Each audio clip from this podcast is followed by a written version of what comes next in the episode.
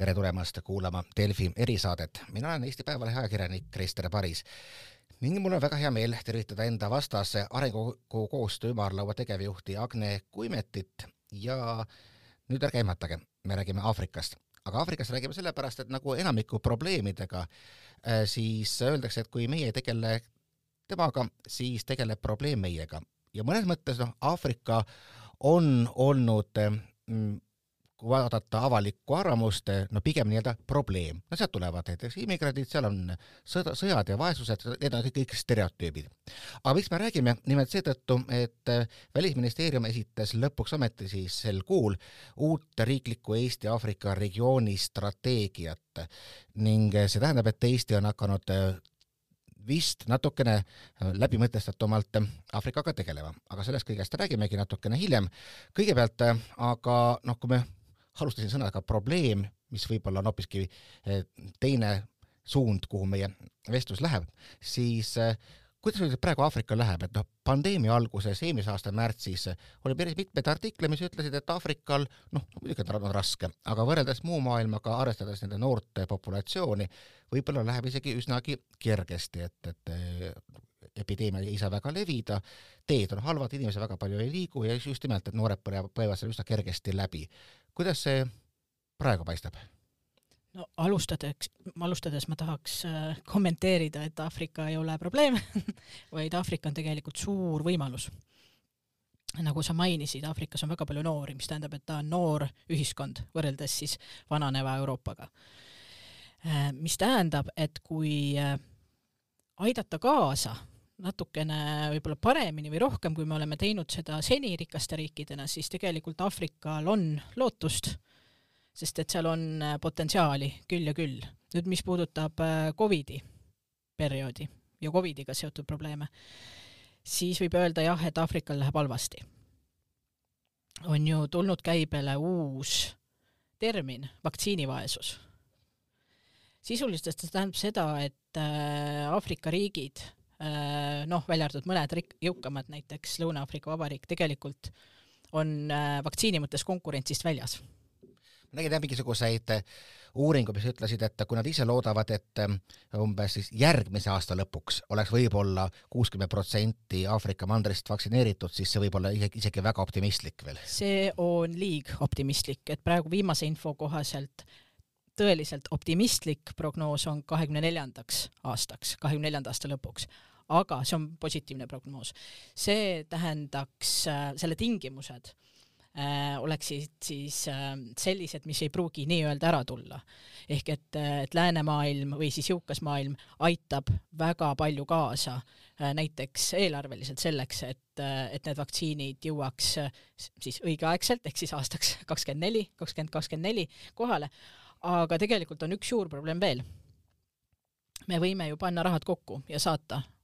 need õiged, õigearvulise doosi äh, teele, aga kas see tegelikult abivajajateni jõuab, see on nagu teine asi. et äh, üks asi on saata lennukiga kusagile suurlinnadesse vaktsiinidoosid kohale, aga kuidas nad tegelikult nüüd nendesse väikestesse küladesse jõuavad olukorras, kus infrat ei ole? no just, pluss veel muud igiomased probleemid, mis on omased ilmselt paljudele mitte väga tõhusalt toimivatele ühiskondadele, ma just lugesin, et kui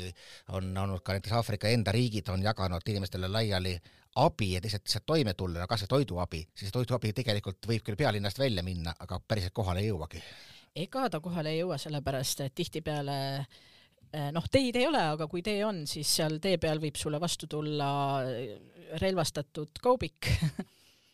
ja, ja sealt edasi noh, põhimõtteliselt see abipakk või see toidupakk enam ei liigu mm. -hmm aga üldiselt nagu, nagu tervikuna, kui me vaatame neid Aafrika majandusi, siis ma just vaatasin, et IMF on nüüd teinud ennustuse, mis on väga murettekitav, et, et võib-olla see esimene pandeemia hoop nagu haiguse mõttes ei olegi nii suur, me võime rääkida, kui tõsiseltvõetavad üldse need numbrid seal on, aga et nüüd ootab pikki aastaid just tänu sellele, et ei tule vaktsiine peale, ootab sellist noh, majanduskängumist, et kui rikas maailm võib loota, et ütleme, aasta teisel poolel tuleb juba kiire hüpe ülespoole, siis Aafrikas pigem, pigem mitte. ja samaaegselt nagu kasvab Aafrika elanikkond kaks koma seitse protsenti umbes aastas, mis tähendab, et majanduskasv peaks olema vähemalt nii palju, et inimeste skp inimese kohta üldse ei langeks. et noh, kuidas nüüd, kui praegu toime tulnud on, seal kindlasti väga erinevad riike, me võtame Aafrikat ühe, ühe tervikuna, on naftat eksportivad riigid, on need, kes panustavad rohkem IT-le ähm jah, on, on helgemaid hetki või siis helgemaid piirkondi ja vähem helgevaid, aga põhiprobleem on see, et ega see skp nüüd ei hakka tõusma lähiajal, no see on fakt. Ehm, puudutades veel korra nüüd äh, seda vaktsineerimise vabandust, Covidi perioodi, et äh, et kui me ennem rääkisime, et kahekümne neljandaks aastaks võib-olla heal juhul jõuavad vaktsiinid kohale, siis noh, loogika ütleb, et ilmselt selleks ajaks on äh, suur osa elanikkonnast tegelikult juba ta läbi põdenud no umbes, kui võtame kas või näiteks India suurlinnad, kus eh,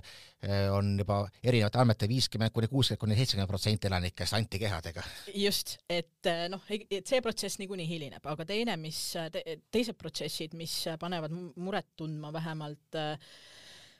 vähemalt minu valdkonna inimesi, on see, et kui jõukate riikide puhul nüüd Covidiga seotud ajahetkedel on pakutud mingeid leevendusi kas äh, teatud lihtsamatel tingimustel, näiteks kas või riiklikud laenud äh, või noh, on mingisugused soodustused toimunud, kas Euroopa Liidu tasandil või siis riigid, eks ole, on oma see riiklikult kuidagi mingeid meetmeid kasule, kasule, kasutamisele võtnud, et siis Aafrikas selline paindlikkus puudub. Aafrika, aafriklased maksavad siiani äh, laene Äh, samadel tingimustel, mis olid ennem Covidit. Äh, nad maksavad, äh, vähemalt siis endised Prantsuse kolooniad maksavad siiamaani kolo-, nii-öelda kolonismist vabanemise maksu, mis on teatud protsent riigi, riiki, riigile laekuvatest maksudest. et ei ole tehtud mitte ühtegi soodustust nendele riikidele, mis tähendab seda, et noh, nad on justkui sellise lahendamatu portsu otsas. täiesti uskumatu kuulda, kui ka mõelda kas või lihtsalt nendele positsioonidele, kui palju võisid kulutada näiteks noh, jõukad riigid nagu, nagu Eesti võisid kulutada Covidi ähm, leevendusteks, ütleme umbes seitse protsenti keskmiselt SKT-st, Aafrikas kolm protsenti ja see tuli võib-olla vaevu-vaevu üldse kokku, on, on, need on andmed, mis, mis meil on. ja see on, ütleme, selline nii-öelda normaalne stardipositsioon. samaaegselt nagu räägitakse, et ikkagi noh, on va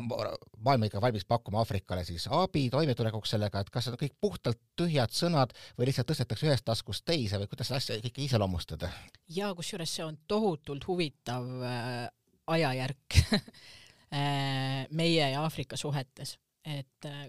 minu meelest on lausa toimunud selline narratiivi muutus nüüd tänu Covidile. et kui ennem siis Euroopa Liit või noh, ütleme jõukam, äh, jõukamad ühiskonnad äh, rääkisid terminitega arenguabi, äh, abi pakkumine Aafrika riikidele, aga tänaseks on see asendunud terminiga partnerlus mis tähendab seda, et noh, ilusate sõnadega, et me võtame seda teist poolt justkui äh, võrdsena. võrdset, jah aga noh, tegelikult see ei ole ju nii, et noh, tegelikult me ei ole võrdsed. ja nüüd, kui me seda võrdsust vähemalt Euroopa Liidu poolt oleme hakanud toonitama, siis äh, noh, see tähendab seda, et me selles koostöös ähm, tegeleme võrdselt ka enda huvidega, et me oleme võrdsed partnerid, teil on me, meile midagi ilmselt pakkuda, äh, noh, meil on teile pakkuda. noh, ja kahjuks on või nojah,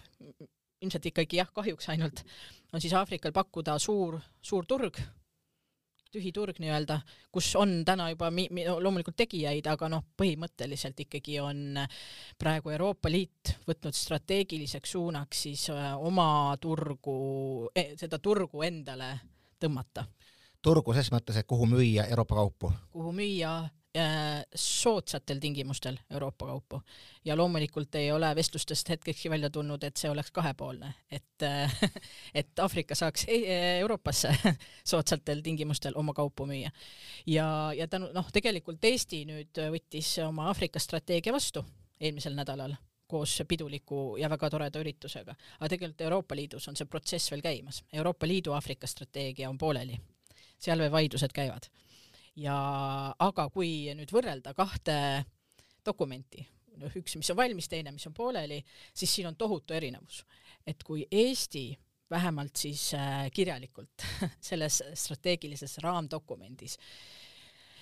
võtab Aafrikat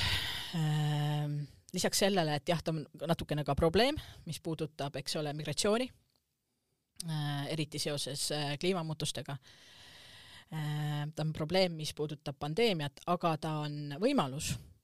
ja Aafrikas on oluline ikkagi inimene et vähemalt Eesti strateegia peegeldab seda, et kõik see, mis meie Eestis lähme sinna tegema, noh, loomulikult me oleme enda huvide eest ka väljas, et me soodustame oma ettevõtjatele seal tegutsemist. et tegelikult on päris täpselt ära kaardistatud, et äh, mis valdkondades peaks ja võiks tegutsema, kes on sihtrühmad, kelle elu edendada, et see on kõik, ütleme, et Eesti vaade Aafrikale on ikkagi äh, humaansem kui Euroopa Liidu oma, kes läheb ikkagi turgu püüdma. Ja sellest on väga kahju, sellepärast et äh, nii see ei olnud veel paar aastat tagasi. just huvitav, ma olen just nagu sattunud mõnes mõttes ka sellesama kirjelduse põhjal tagasi sellisesse uude kolonialismi ajastusse ja enne, kui Euroopa Liit võib-olla nii ennast äh, oma maski maha langetas, võib öelda, käis, oli üks suuri investeerijaid kui võib nii öelda, Aafrikas oli Hiina. no kuivõrd ta investeeris, aga Hiina oli vähemalt suur tooraine importija ja ma just vaatasin, et mingid andmed, kus näiteks aastate kaks tuhat kuni kaks tuhat neliteist ikkagi kasvas majanduskasv ka arvestades elanikkonna kasv ikka päris kiiresti, vaata, et umbes kaks korda rohkem. aga siis kuidagi Hiina huvi nende ka tooraine vastu langes ja koos sellega tuli ka, ka kiire kukkumine. et kui nüüd vaadata sellist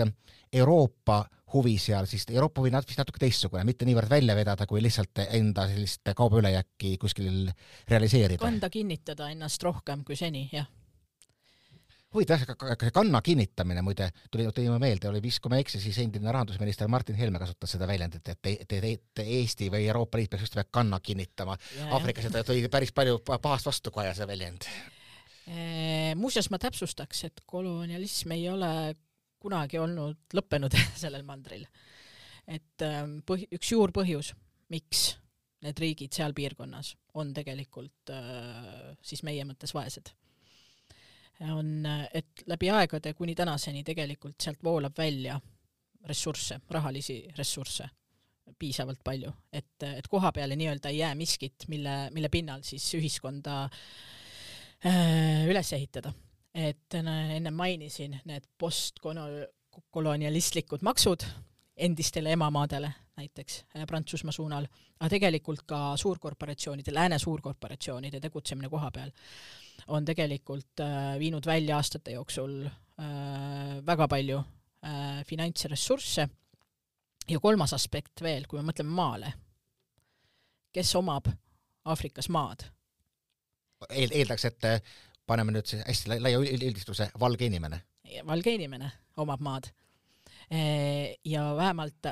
ma nüüd uuemat dateid ei tea, loodame, et olukord on muutunud, aga vähemalt paar aastat tagasi arengukoostööga seotud inimesed said nüüd jutumärkides rõõmsalt tuua välja näite, et iga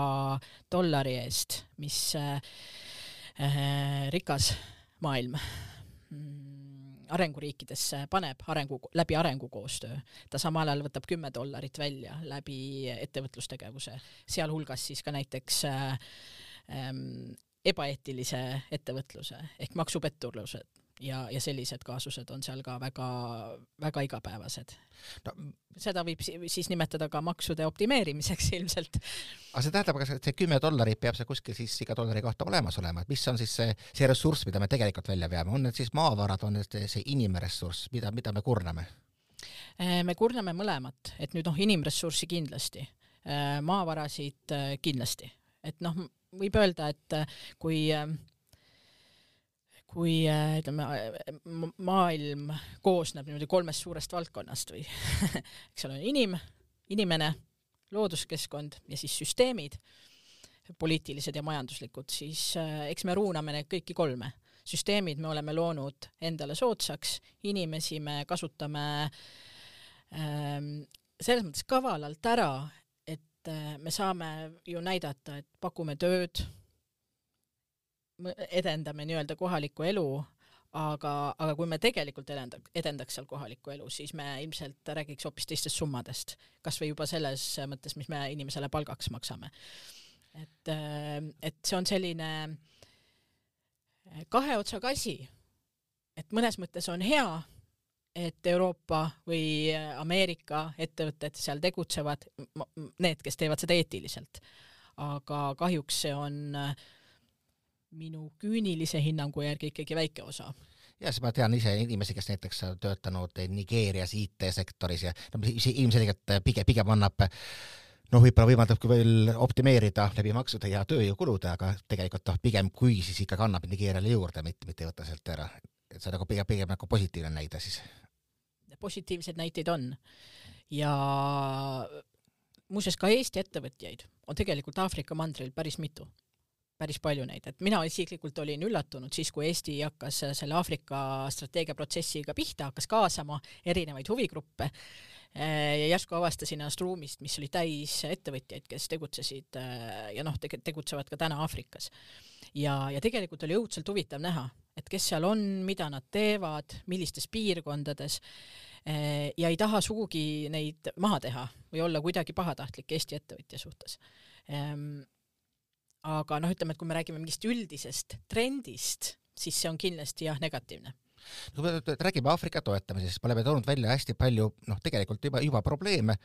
miks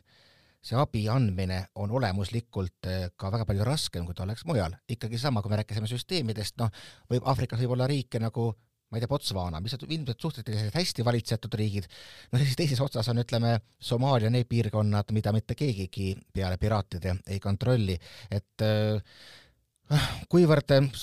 see ongi noh, tegelikult probleem iseenesest, et me võime selle abi, abi kuskile teele saata, et ta A sinna küladesse ei jõua ja B, et ta üldse ei lõpeta kuskil äh, kuskil mujal, ma mäletan, kunagi ammu toodi näited, et kui oli Etioopia näljahäda ab, ab, abistamiseks toodi see Live Aid, siis muuhulgas saadeti terve hulk veoautosid, mida siis Dergi hunta võttis endale, et äh, minna, minna sõtta.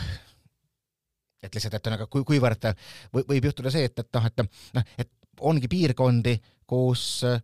äh, me võime küll enda moraalse heaolu nimel abi pakkuda, aga me näeme, et see tegelikult jõuab pigem valedesse kätesse. et sealt ei tule midagi. ei tule midagi ja ta pigem võib-olla toidab neid, keda üldse toitma ei peaks.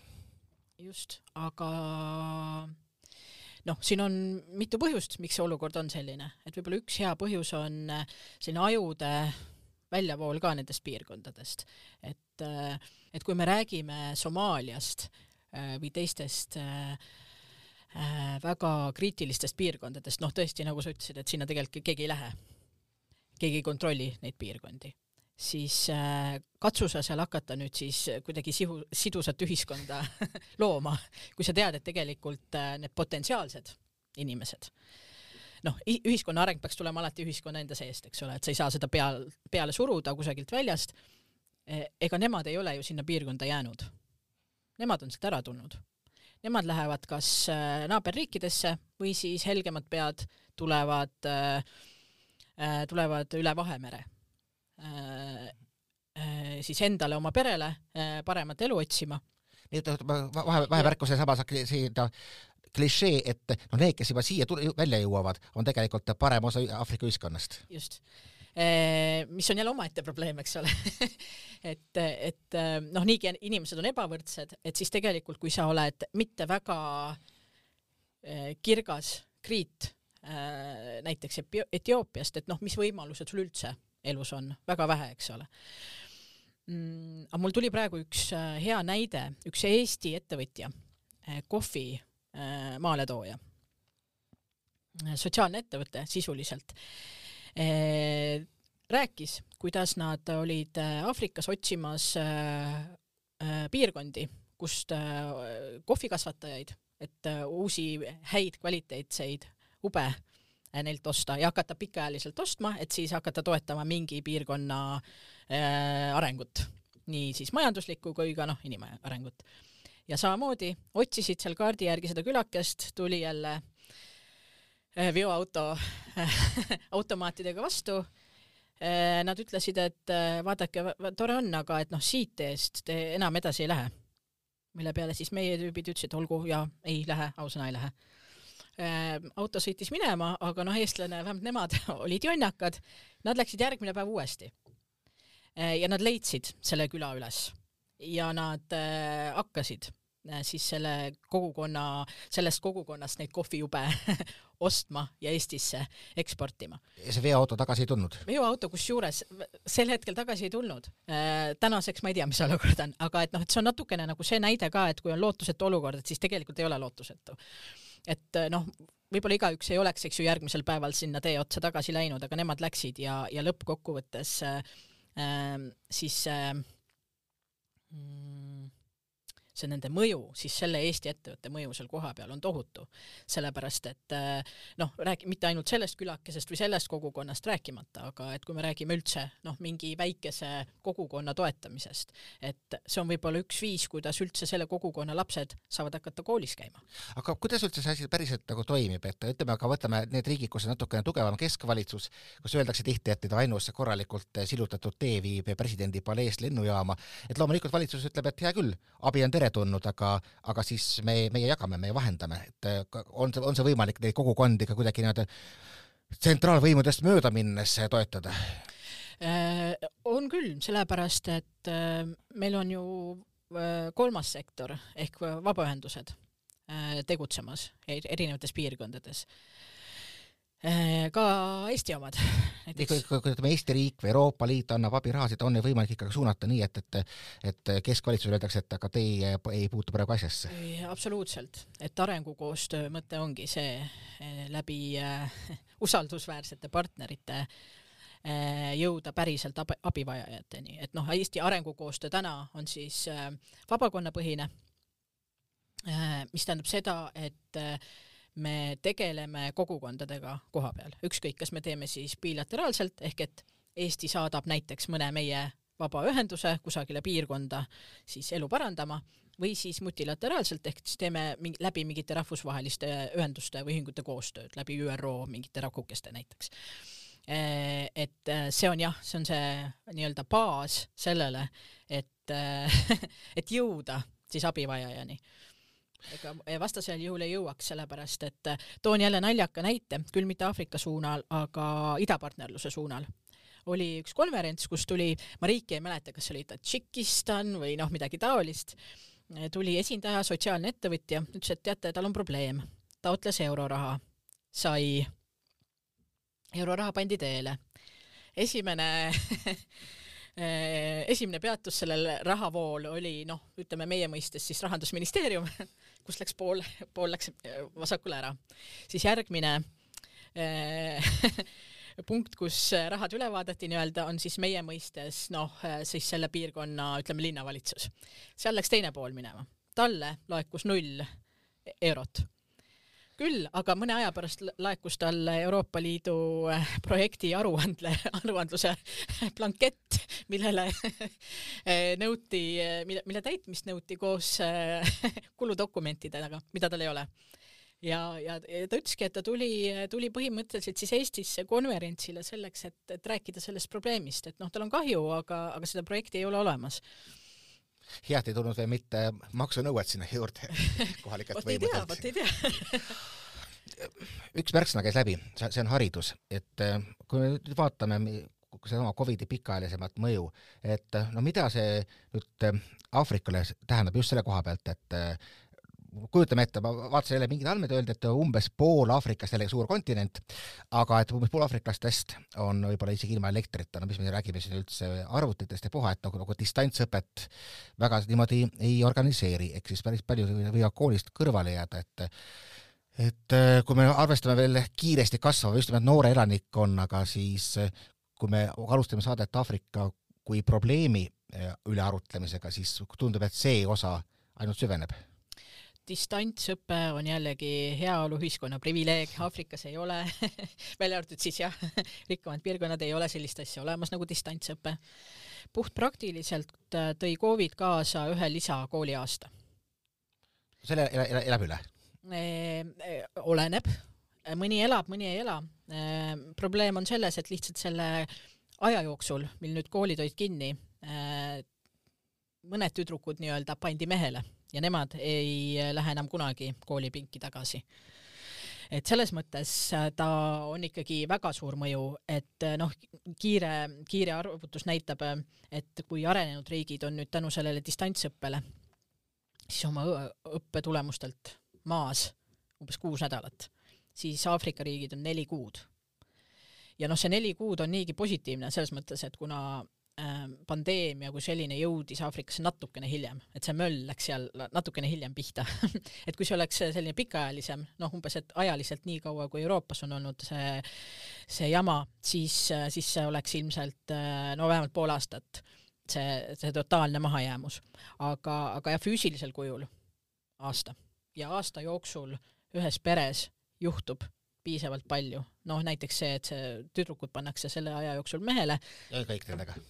tähendab, seda nii-öelda nende ühiskonda panustamisega ongi selles mõttes kõik. siis sellega on kõik, jah. kui me just räägime, vaatame nüüd, võta, võtame viimast kokku selle suure mm, ülesande tohutu mastaabi, mille üks selliseid võtmesõnu ka siin käinud läbi on ikkagi sama rahvastiku kasv, mille üks osa on, on ka haridus, nagu me just praegu nentisime, et kui tüdruk läheb mehele, küllap ta hakkab eriti veel ilma hariduseta ka palju lapsi sünnitama. ja huvitav on nagu vaadanud, et mingid kõverad näitavad, et noh, ikka, ikka rahvastikud liiguvad nagu just ühesugust kõverat mööda, nagu Aasias, et tuleb kiire rahvastiku plahvatus, siis ta stabiliseerub, siis ta hakkab vaikselt langema, aga miskipärast nagu Aafrikas need mudelid vähemalt siiamaani ei tööta, vähemalt see plahvatusjärgne sündivus ei ole kukkuma hakanud veel ja või see platoo kuskil kuskilt ei paista, kas sa oskad nagu seletada, mis võiks see Aafrika eripära olla, kas me kõik ikkagi, kõik taandub haridusele või? Eh, taandub haridusele, taandub jah, hariduse kättesaadavusele, et kui sul on äh, peres ütleme seitse last, siis on selge, et sa ei saa anda haridust seitsmele lapsele, siis valitakse sealt ikkagi ütleme paar poissi. et reeglina need on poisslapsed, kellele pakutakse haridust. et äh, see tegelikult ähm, noh, ta natukene nagu hakkab stabiliseeruma, sellepärast et äh, pere planeerimine ja seksuaalkasvatus on midagi, mis äh, on ikkagi nüüd Aafrika riikidesse ka juurdunud. et äh, kui me võrre-, võrdleme nüüd eelmise aastasaja, jah, kuuekümnendatega, äh, siis tegelikult see kõver on hakanud noh, nii-öelda taanduma. ehk et need piirkonnad, kes on juba endale jalad alla saanud, tegelikult selline kaks ja pool last on ka noh, selline juba, juba mõeldav pere, pere planeerimine, aga ta on jah, ta on, ähm, ta ei ole veel ideaalne selles mõttes, et et on pa-, palju maad minna ja üks, mis tegelikult tõstab väga palju sündimuse või siis täiskasvanuks saavate inimeste arvu, on see, et laste suremus väheneb, kuna tervishoiuteenused on äh, sutsu rohkem kättesaadavad nüüd aasta-aastalt. et see jälle tõstab seda. aga aga üldiselt äh, äh, ma nüüd ei tea, kas see on nüüd negatiivne või positiivne prognoos, aga lugesin ühte huvitavat uuringut, äh, kus oli, noh, teema oli siis rahvastiku suurenemine, paisumine, et tegelikult saja aasta pärast, kui me võt-, vaatame otsa inimkonnale, siis saja aasta pärast täna meid on sama palju kui praegu täna et äh, sinna kalkulatsiooni on sisse arvestatud äh, ka igasugused äh, looduskatastroofid,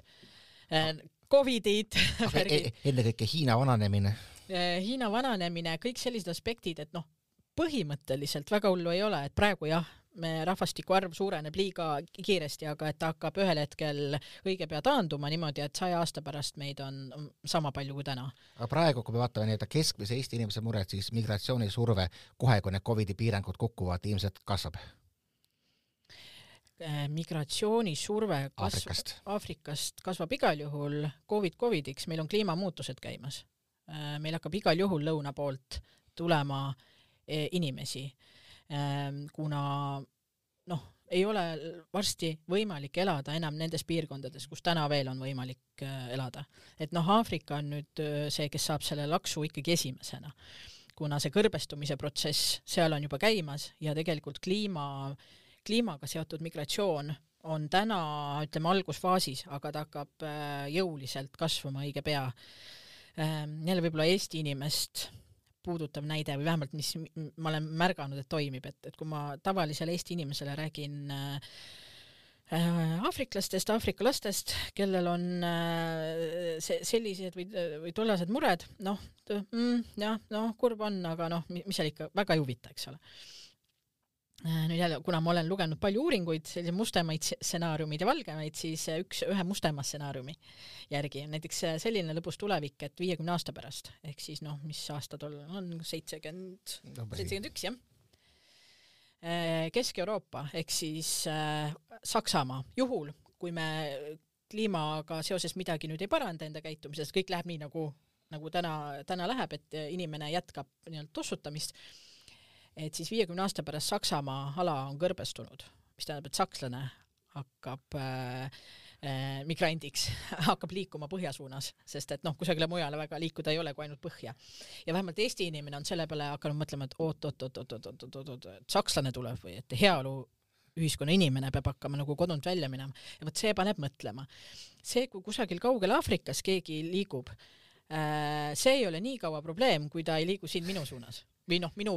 Eesti piiri taga ei ole, et nii kaua justkui ei huvita. jah, ongi jah, me saame ju nagu matemaatiliselt aru, et, et Darfuri piirkond enam ei toida ära neid inimesi, kes seal elab, aga, aga noh, et jällegi, et täpselt, et mis siis, mis me teha saame. muidu ma tahakski küsida, et mis me teha saame. enne oli jutt, et kuidas Eesti on ikkagi pigem nii-öelda eetilise poole peale puha. no me oleme pisike riik, et kuidas, mis sa arvad, peaks, kas me peaksime nagu noh, ma ei tea, hajusalt külvama projekt siin, projekt seal või võtma endale umbes, ma ei tea, nagu idapartnerluses mõned nii-öelda riigid, piirkonnad, valdkonna käendusele, et rohkem nagu suunata enda raha? jah, ikka strateegiline pilt peab olema ja selles suhtes on hea meel, et Eestil nüüd Aafrika strateegia on ka, mis on siiani olnudki selline natukene, natuke siia, natukene sinna ähm,. kuna meil on olnud idapartnerlus, noh, tänu sellele, kus me asume äh,, prioriteet, kuna noh, see narratiiv on jälle olnud selline, et noh, ida, idast tuleb meie jaoks probleem, järelikult me peame äh, toimetama, kasvatama demokraatiat, arendama, harima inimesi ja nii edasi seal ida, ida pool. noh, tänaseks ongi saadud aru, et tegelikult äh, sama suur probleem või võimalus, jälle kuidas vaadata, tuleb Aafrika poolt ja, ja me oleme välja valinud mingid piirkonnad äh, mingi loogika alusel, et noh, Keenia ja Namibia on siis nüüd need riigid, kus me äh, kavatseme kanda kinnitada, tsiteerides äh, äh, endist rahandusministrit. endist rahandusministrit. ja meil on plaan, mis valdkonnas, mida ja kellega me tahame teha, et äh, põhimõtteliselt meie, meie sihtrühmaks on inimene meie sihtrühmaks on noor inimene, mis tähendab seda, et kui me räägime ettevõtluse sinna viimisest, siis me räägime IT-lahendustest, me räägime ühiskondade digitaliseerimisest. ja see on selles mõttes match made in heaven, et noh, üks, ühest küljest see on asi, mida Eestil on anda, aga teisest küljest nüüd üks hea, üks positiivne aspekt, mis koroona tegelikult tõi, on see, et kui me varem tegime arengukoostööd noh, veidi sellest aspektist, et mida meil on anda või mida me oskame ja kuhu me tahame minna, siis nüüd me küsisime siht, äh, siis si-, sihtriikidelt, et kuulge, mis teil vaja on. et me pole nagu Timur, kes viib vanainimese üle, üle teega siis, kui ta ei taha minna. jah, et me enam ei saada Aafrika lastele neid äh, kootud kindaid vaid me küsisime, et noh, mida vaja on ja oh üllatust, tänu Covidile tegelikult tuli välja see digivajadus, et on päris suur. Äh, tervishoiu süsteemi arendamiseks, sest et noh, nagu elu näitab, siis Covidi olukorras tegelikult noh, mäng on läbi, kui sul ei oleks ju mingit digisüsteemi. Ehm, ehk et digitaliseerimine, haridus, tervishoiu parandamine, kõik sellised aspektid, mis on suunatud noortele põlvkondadele, uutele põlvkondadele, kes siis hakkaks seal kohapeal seda, seda ühiskonda tegelikult uueks looma. Ehm, ja teine, mis ähm, minu meelest on oluline aspekt, et kui me räägi, räägime ajudest, kes kipuvad ähm, mitte enda tahtel välja voolama, mõnikord ka enda tahtel, et tegelikult äh, vähemalt Eesti püüab siis äh, brain drain'i asemel teha brain train'i. Ehk siis ideaal on see, et äh, noh, me ise ekspordime sinna oma haridussüsteemi, mis nagu PISA näitab, on äh, väga kvaliteetne ja teisest küljest, kui meie toome mm, näiteks Eestisse koolidesse eh, Aafrikast eh, õppureid, noh, meil on läbi, läbi aegade, iga aasta on Eesti suuremad ülikoolid võimaldavad siis koos Välisministeeriumiga teatud arvul noortel tulla Eestisse õppima kas baka või magistri või doktori tasemel.